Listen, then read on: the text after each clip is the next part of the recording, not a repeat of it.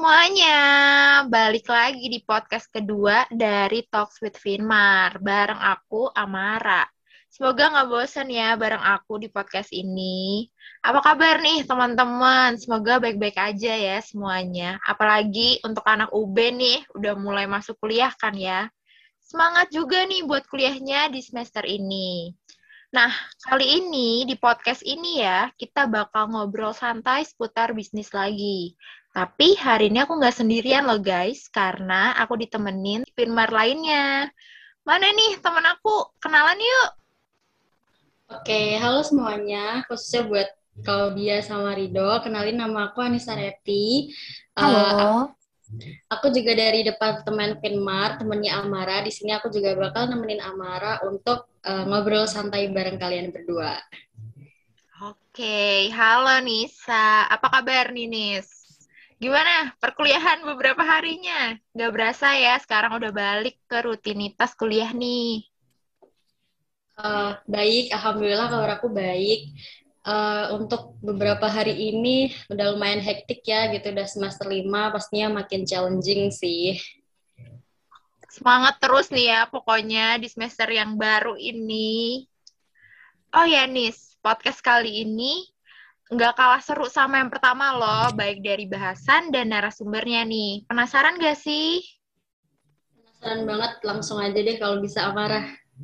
Oke, oke. Tapi aku spill dikit ya. Jadi narasumber kita masih muda nih. Dan bisnis yang dijalanin menurut aku unik ya.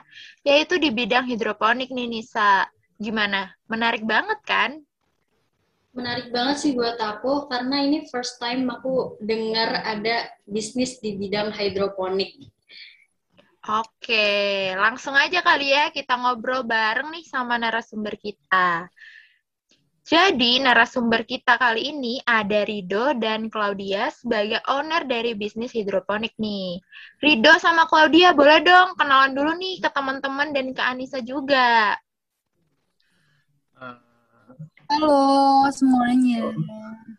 Halo. Halo. Halo. Uh, jadi ini siapa dulu? boleh Rido, boleh Rido. Boleh oh, dulu ya aja. Oke oke oke. Jadi uh, kenalin namaku Rido Ramada Artaryono yang biasanya dipanggil Rido. Uh, aku ini terma uh, mahasiswa agribisnis angkatan 2019. Oke. Okay. Uh, halo juga buat teman-teman semua, buat Amara, buat Nisa, salam kenal. Nama aku Claudia Riesa Memoris, bisa panggil aku Claudia. Aku ini sama mahasiswa agribisnis angkatan 2019. Oke, jadi ini nih Rido sama Claudia ini teman sekelas aku dulu waktu semester 2 sampai 4 ya. Wah, menarik ya. ya. Aku jadi punya teman dari anak pertanian nih, biar enggak anak bener, FIB bener. mulu gitu ya. Bener, kita juga ada kenalan baru nih dari FIB. Oh iya, makasih banyak ya Rido sama Claudia ini udah bersedia untuk ngobrol bareng aku sama Anissa di sini. Dan mau bagi-bagi pengetahuan dan pengalaman juga. Nih, sebelum kita mulai ngobrol banget ya, Rido atau Claudia, boleh ya kenalin dulu nih bisnis yang sedang dijalankan, mulai dari nama bisnisnya. Dan kalau ada filosofi nama tuh, juga boleh dikasih tahu ke teman-teman. Yang memulai bisnis apakah diri sendiri atau bareng orang lain, atau kapan memulai bisnis dan di mana tempat hidroponiknya. Uh, Oke, okay. ini aku jawab aja ya. Uh, jadi bisnis yang aku bangun ini namanya Arta Farm. Dan aku, Rido, itu sebagai foundernya dan temanku yang Claudia itu sebagai co-foundernya. Jadi uh, awal aku bangun ini usaha itu di awal Maret, ya nggak sih? Awal Maret ya? Awal. Ya, awal, awal Maret tahun 2020, awal, awal, Corona kalau nggak salah itu baru masuk nah. ke Indonesia, terus kita online, terus ya gitu kita kumpul sama teman, gimana nih buat ngisi waktu luang kita selagi uh, kuliah online. Nah, jadi awal mulanya ketemu sama teman-teman uh, ngomong-ngomong masalah uh, bisnis tercetuslah ide untuk buat bisnis. Nah, lalu uh, untuk lokasinya kita itu kita itu punya kebun lokasinya itu ada di Sebuku Nanti mungkin teman-teman yang ingin datang bisa lihat di Gmaps untuk lokasi untuk lokasi kebun kita itu di Gmaps ketik aja Arta Farm itu nanti udah tersedia di Gmaps gitu di Google udah ada. Uh, menarik banget ya, benar-benar menarik bisnis yang dijalankan gitu karena ini juga baru pertama kali aku dengar ada bisnis yang uh, kayak gini gitu. Nah, ini aku mau nanya nih, sebagai anak muda kan ada aja ya ketakutan untuk memulai sesuatu yang baru gitu. Salah satunya buka bisnis. Nah, aku mau tahu alasannya Rido sama Claudia ini apa sih sampai bisa berani gitu untuk memulai bisnis ini? Uh, ya, Jadi alasannya kenapa sih aku bikin bisnis di masa muda aku gini? alasannya tuh karena aku tuh pengen explore selagi masih muda. Mau gagal atau enggak itu masih ada masih nggak ada tanggungan gitu. Jadi nggak ada beban. Jadi meskipun gagal bisa belajar lagi. Gagal belajar lagi. Jadi untuk menjadi yang lebih baik gitu oke menurut aku nih keren banget loh udah um, berani ya untuk mencoba untuk sesuatu itu udah keren banget nah menurut aku juga bisnis hidroponik adalah salah satu yang menarik banget loh Nah, apa sih alasan Rido atau Claudia itu memilih bisnis di bidang hidroponik? Kan banyak ya bisnis-bisnis yang lainnya. Kan kalau kita lihat sekarang, situasinya sekarang tuh lagi masih era pandemi ya. Jadi masyarakat tuh masih banyak yang concern sama kepola hidup sehat. Nah, produk kita itu sangat menunjang banget kebutuhan pola hidup sehat. Dan kita tuh juga uh, membuat jasa, uh, membuat jasa untuk pembuatan instalasi hidroponik. Dan hal ini tuh cocok untuk teman-teman yang punya hobi itu untuk berkebun. Kenapa? Kalau misalnya teman-teman nih ada waktu uang, teman-teman ini bisa berkebun dan hasilnya hasil panennya pun bisa dirasakan sendiri oleh teman-teman. Jadi gitu. Um, ya balik lagi kita kenapa kita pilih uh, bisnis hidroponik? Karena pertama kita punya passion di bidang pertanian juga uh, kita punya skill di bidang itu. Terus kita lihat peluang yang tadi di era pandemi kayak gini, pola hidup sehat tuh digencar-gencarin, uh, apa namanya konsumsi sayur, terus uh, konsumsi bahan makanan yang menunjang kesehatan itu kan benar-benar gembor-gembor sana sini. Nah, kenapa nggak kita ambil uh, peluang tadi untuk kita jadikan bisnis selain uh, apa namanya kita punya passion, kita punya skill, uh, dan kita juga punya keinginan buat explore, kenapa nggak dimanfaatin gitu. Oh gitu, keren banget nih kalian berdua. Terus aku juga mau tahu nih, saat ini Rido sama Claudia ngelola dan ngejalanin bisnis ini tuh uh, sendirian atau pakai jasa orang lain kayak nge-recruitment nge karyawan gitu? Uh, untuk saat ini tuh kita jalanin sendiri dan Uh, dan untuk saat ini juga itu kita itu ada tim yang bertanggung jawab untuk menjalani usaha ini dan doain aja untuk ke depannya bisa ekspansi dan pakai jasa karyawan gitu. Aku aminin banget, soalnya itu kan juga kayak ngebantu untuk membuka lapangan pekerjaan baru juga ya. Nah, yeah. aku juga pengen nanya nih, dari mana sih belajar tentang hidroponik itu? Uh, kalau belajar dari hidroponik itu sebenarnya kita kita berdua ini belajarnya itu autodidak. Jadi nggak ada guru nggak ngajar tuh nggak ada. Jadi cuman kita tuh modal internet sama ilmu-ilmu dari status di Facebook kan sekarang uh, kayak ilmu banget gitu kayak gini cara menanamnya seperti ini seperti ini. Banyak dan lah ada lagi mentor-mentor mentor-mentor nah, apa ya? Orang yang udah berpengalaman yang sering nge-share uh, pengalamannya di media sosial. Dan menurut aku zaman sekarang itu kita mau belajar itu gampang ya semenjak ada internet segala sesuatu ilmu apa pun itu tersedia secara gratis secara free di internet. Nah tinggal kitanya aja uh, punya keinginan belajar apa enggak gitu. Selain itu juga kita punya itu ya do ya punya uh, kita kenalan sama beberapa orang yang terdahulu uh, udah hmm. menggeluti bidang hidroponik. Terus apa namanya uh, kita juga suka baca-baca bukunya.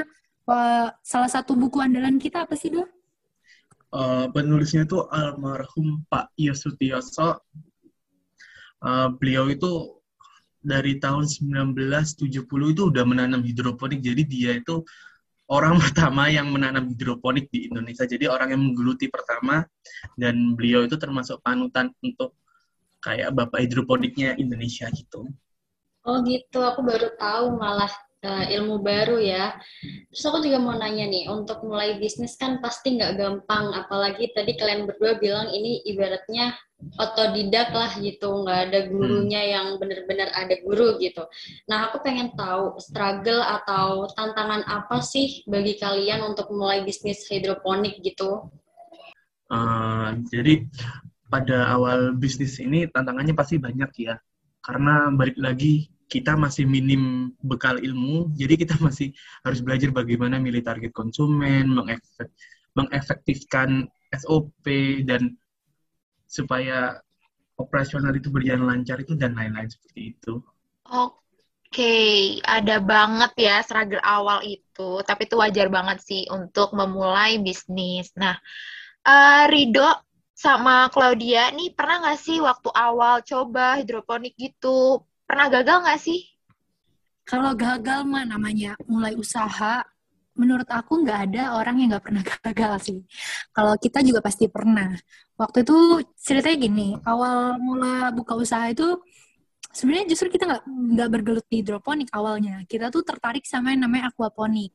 Nah, tapi seiring waktu pas kita udah coba, hasil produksinya itu kurang maksimal karena banyak faktor.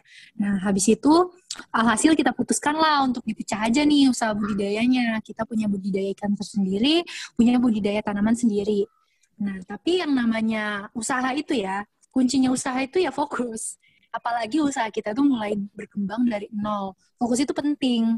Nah, hasil uh, karena hasilnya ternyata ketika dipecah kurang maksimal, kita lepaslah salah satu dari kedua bidang itu, kita fokus ke salah satu bidang. Nah, berarti kan sebelumnya karena kita udah uh, punya persiapan di kedua bidang itu, pasti ngelepasin salah satu pasti ada kerugian material yang kita dapetin gitu. Tapi it's okay itu pelajaran buat kita.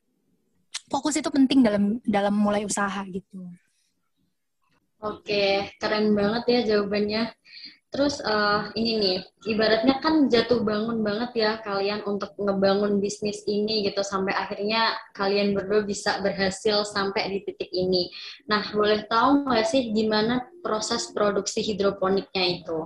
Uh, kalau proses produksi itu ada empat kalau di kita itu dari persemaian, permajaan, pembesaran sampai ke tahap panen. Jadi untuk semua pro, jadi semua prosedur yang tadi itu itu kurang lebih sekitar dua bulanan lah dari perma dari persemaian, permajaan hingga ke pembesaran hingga ke masa panen seperti itu. Oke, ada tambahan pengetahuan baru nih buat teman-teman, buat aku, sama buat Anissa juga. Nih, aku juga mau nanya ke Claudia sama Rido. Produk hidroponik apa aja yang dijualin nih? Sekalian promosikan ya. Jadi siapa tahu nih ada teman-teman yang mau beli produk hidroponik bisa langsung ke Rido atau Claudia atau lewat Arta Farms ya kan? Um, kalau untuk produk hidroponik, Amara kita tuh emang punya kebun yang dikhususkan untuk produksi uh, khusus sayur hidroponik Amara. Nah, selain itu, samping-sampingannya kita juga nyediain jasa buat teman-teman yang mau merakit instalasi hidroponik uh, atau yang mau memulai untuk mencoba budidaya hidroponik itu bisa menggunakan jasa kami uh, apa namanya untuk membuat atau untuk konsultasi uh, memulai hidroponik gitu. Tapi untuk fokusnya sih kita emang produksi uh, kita punya kebun yang emang produksi khusus sayur gitu. Wah, it's so interesting ya gitu. Aku yakin banget pasti banyak dari teman-teman yang pengen nyobain produknya gitu. Jadinya aku mau nanya mewakili teman-teman di luar sana, uh, ke mana sih produk hidroponiknya ini dijual gitu? Uh, jadi untuk penjualan produk kita itu kita itu punya resto sama langganan yang ngambil langsung sayur ke kita. Jadi kita langsung end consumer seperti itu. Oke, berarti target pasarnya ini selain ke uh, restoran kayak gitu-gitu ke siapa lagi nih? Ada nggak? Iya, uh, tadi yang seperti kita bilang kan, kita emang target pasarnya langsung ke end consumer, uh, Amara, karena kan value produk kita itu freshness ya. Uh, kalau misalnya Amara bandingin produk kita, produk hidroponik sama produk konvensional lainnya, uh, kita unggul di apa namanya freshnessnya, kualitasnya juga bagus. Nah, jadi emang ditujukan langsung untuk end consumer. Oke, ngomongin tentang pemasaran, uh, sekarang masuk ke strategi pemasaran ya untuk menjualkan produk itu kan bisa dibilang bukan sesuatu yang mudah gitu. Nah, Rido atau Claudia boleh dong bagi strategi memasarkan produk uh, hidroponik kalian nih gimana sih? Kalau untuk strategi pemasaran sendiri, Amaranisa, uh, karena kita memutuskan uh, mata rantai atau langsung ke end consumer, kita bisa mempertahankan value produk tersebut. Nah, karena kita tadi mengunggulkan value produk kita selain freshness, terus dia uh, apa namanya sehat, bersih, higienis. Nah, selain uh, mempertahankan value, kita bisa meminimalkan harga jual tadi agar uh, produk kita lebih kompetitif karena kan kita langsung ke end kan. Nah, jadi Uh, untuk strategi pemasaran, selain memutus mata rantai, kita juga mempertahankan value, uh, meminimalkan harga jual. Uh, kita juga memanfaatkan uh, pandemi ini sebagai apa ya concern uh, sebagai concern masyarakat untuk uh, menaikkan pola hidup sehat. Jadi produk kita hadir untuk mengatasi, untuk memberikan solusi bagi permasalahan tersebut begitu. Oke, nah Berarti kan tadi juga Arta Farms ya. Arta Farms ini punya Instagram atau sosmed atau platform e-commerce gitu nggak sih? Wah, pasti punya dong, Amara. Uh, apa namanya? Mungkin teman-teman yang uh, kepo-kepo atau pengen tahu nih tentang Arta Farm, boleh banget nih cek Instagram kita. Uh, bisa ketik name Arta Farm search aja. Nanti mungkin teman-teman yang kepo bisa tanya-tanya miminnya untuk pemesanan produk atau mau kunjungan kebun dan lain-lain. Gitu. Wah, menarik banget ya. Ternyata emang udah merambah ke sosial media juga gitu untuk menggait konsumen. Nah, ngomongin tentang konsumen, uh, pastinya juga kalian setuju gitu bahwa konsumen itu salah satu hal yang sangat penting dalam berbisnis gitu. Jadi aku pengen tahu apa sih trik yang kalian lakuin untuk mendapatkan kepercayaan dari konsumen. Uh, gimana sih kita dapetin kepercayaan konsumen itu? Kita itu sangat menjaga kualitas sama pelayanannya terhadap konsumen. Dan itu tuh penting banget sih kalau buat kita karena kom agar konsumen itu tetap loyal, kita tuh memberikan value yang lebih, yaitu berupa freshness tadi. Oke, jadi konsumen itu adalah kunci ya dari keberhasilan juga, tapi dari bisnisnya, kenapa konsumen bisa percaya itu juga uh, dari Claudia dan Rido juga memberikan value gitu ya, yang lebih buat konsumen. Nah, di pertengahan bisnis kayak sekarang nih pernah ada nggak sih masalah kayak gitu masalah gitu mungkin dari segi produksi atau misalnya ada konsumen yang uh, tapi jangan sampai ya ini jangan sampai uh, kayak protes gitu atau gimana kalau untuk masalah di tengah uh, usaha kita ya pasti ada dong. Uh, kita tuh pernah ngalamin uh, banyak hal lah, banyak masalah. Kita pernah ngelaluin yang namanya harga pasar anjlok itu pas lagi panen raya, terus pas ppkm kemarin pernah kita ngalamin uh, apa namanya harga yang benar-benar anjlok. Terus kita ngalamin uh, kebun waktu itu kena apa namanya terserang hama. Terus uh, macem-macem lah, banyak lah. Tapi ya balik lagi, kita harus tetap konsisten dan jadiin masalah itu motivasi untuk memperbaiki diri, bukan jadi demotivasi kita. Nah, jadi kalau uh, apa namanya, Amara tanya masalah pernah nggak ngalamin masalah tentu pernah, tapi alhamdulillah kita bisa uh, ngelewatinnya sampai hari ini gitu. Oke, jadi uh, terlepas dari masalah nih, tantangan dan juga yang lainnya, Uh, aku pengen tahu apa aja sih keuntungan yang kalian dapatkan selama berbisnis hidroponik ini. Uh, apa ya? Selain keuntungannya itu pasti, pasti selain profit, pengalaman dan koneksi, pasti jadi hal yang sangat berharga karena belum tentu semua orang itu punya hal yang sama dan belum tentu semua orang dapat pengalaman yang kita rasain gitu. Oke, keren banget nih. Banyak banget ya keuntungan yang Claudia dan Rido rasain dari bisnis yang sudah dijalankan. Oh ya, tadi juga sempat disinggung nih ya, selain ada masalah, terus juga mungkin ya dalam berbisnis kan ada ya uh, fase kita ngerasa capek atau bosen gitu. Nah, gimana sih cara Rido atau Claudia untuk tetap konsisten menjalankan bisnis? Uh, ini dari aku dulu ya.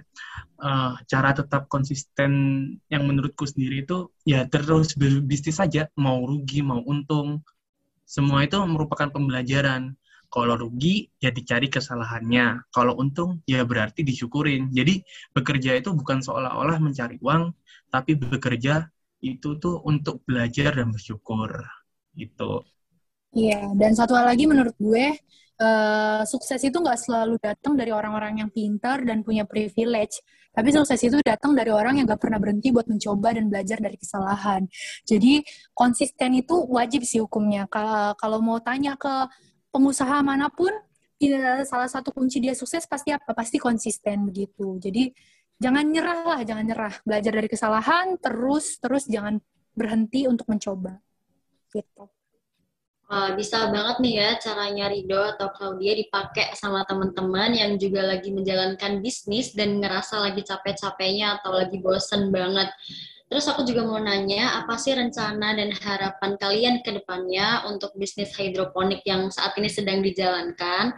Uh, apakah menambah komoditas atau produk yang dijual, atau menambah uh, konsumen, atau gimana nih harapannya ke depannya? Boleh dijawab? Untuk harapan ke depannya ya, Do ya. Kalau harapan ke depannya itu pasti Arta Farm bisa lebih berkembang lagi dan bermanfaat bagi banyak orang.